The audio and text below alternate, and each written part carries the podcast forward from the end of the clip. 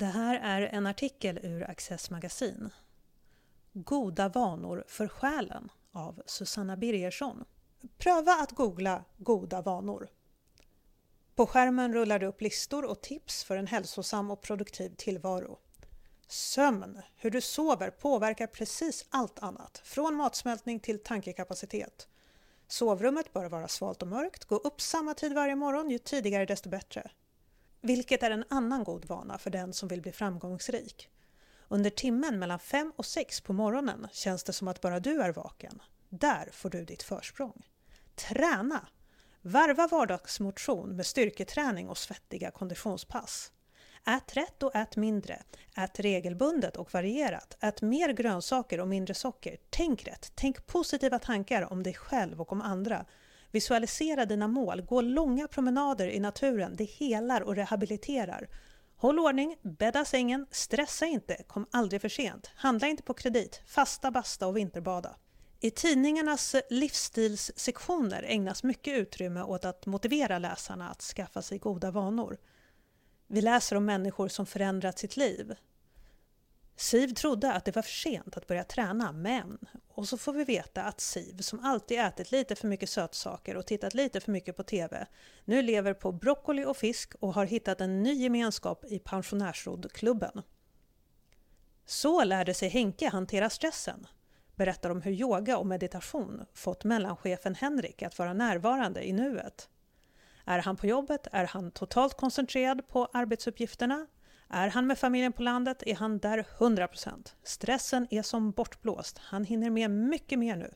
Förresten har han börjat löpträna regelbundet och ska snart åka till Madrid för att springa sitt fjärde maraton.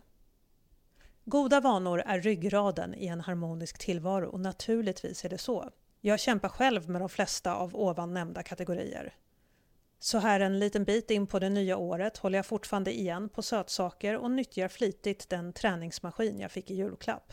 Av erfarenhet vet jag att stillasittandet och godisätandet bara är en förkylning eller ett par vaknätter bort.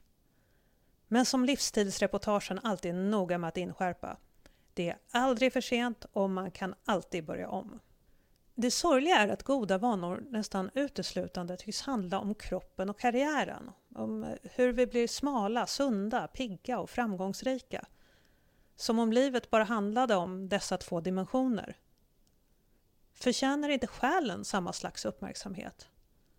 Varför talas det inte mer om goda vanor för själen? Och om dåliga vanor? Av och till blossar det upp någon kortlivad debatt om porr eller gangsterrap. Då upplyses vi om att det självklart inte är skadligt. När jag var barn hittade man minsann porrtidningar i skogen. Och ni minns väl debatten om videovåld? Ha ha ha! Och så är debatten över för den här gången. Som kristen är man van att tänka på det inre livet som en parallell till det kroppsliga. Samma logik. Den som inte äter blir matt. Den som aldrig läser Bibeln eller ber eller går i kyrkan blir själv en kraftlös kristen och den andliga verkligheten förtonar. Är det inte på samma sätt för alla människor, kristna eller ej? Att det de fyller sitt inre med präglar hur de ser på sig själva, sina medmänniskor och på omvärlden. Jag tänker på skönhet. Varför står inte det på listorna och i reportagen att man aktivt bör söka efter skönhet, säg 20 minuter om dagen? Lyssna på en stråkkvartett eller en pianokonsert, står det aldrig. Läs gärna några sidor lyrik innan du släcker ljuset på kvällen. Står det inte heller. Skaffa dig en favoritkonstnär om du inte redan har en och titta ofta på konstverken. Nej, allt handlar om grönsaksjuicer, squats och svala sovrum. Som om människan inte hade någon själ.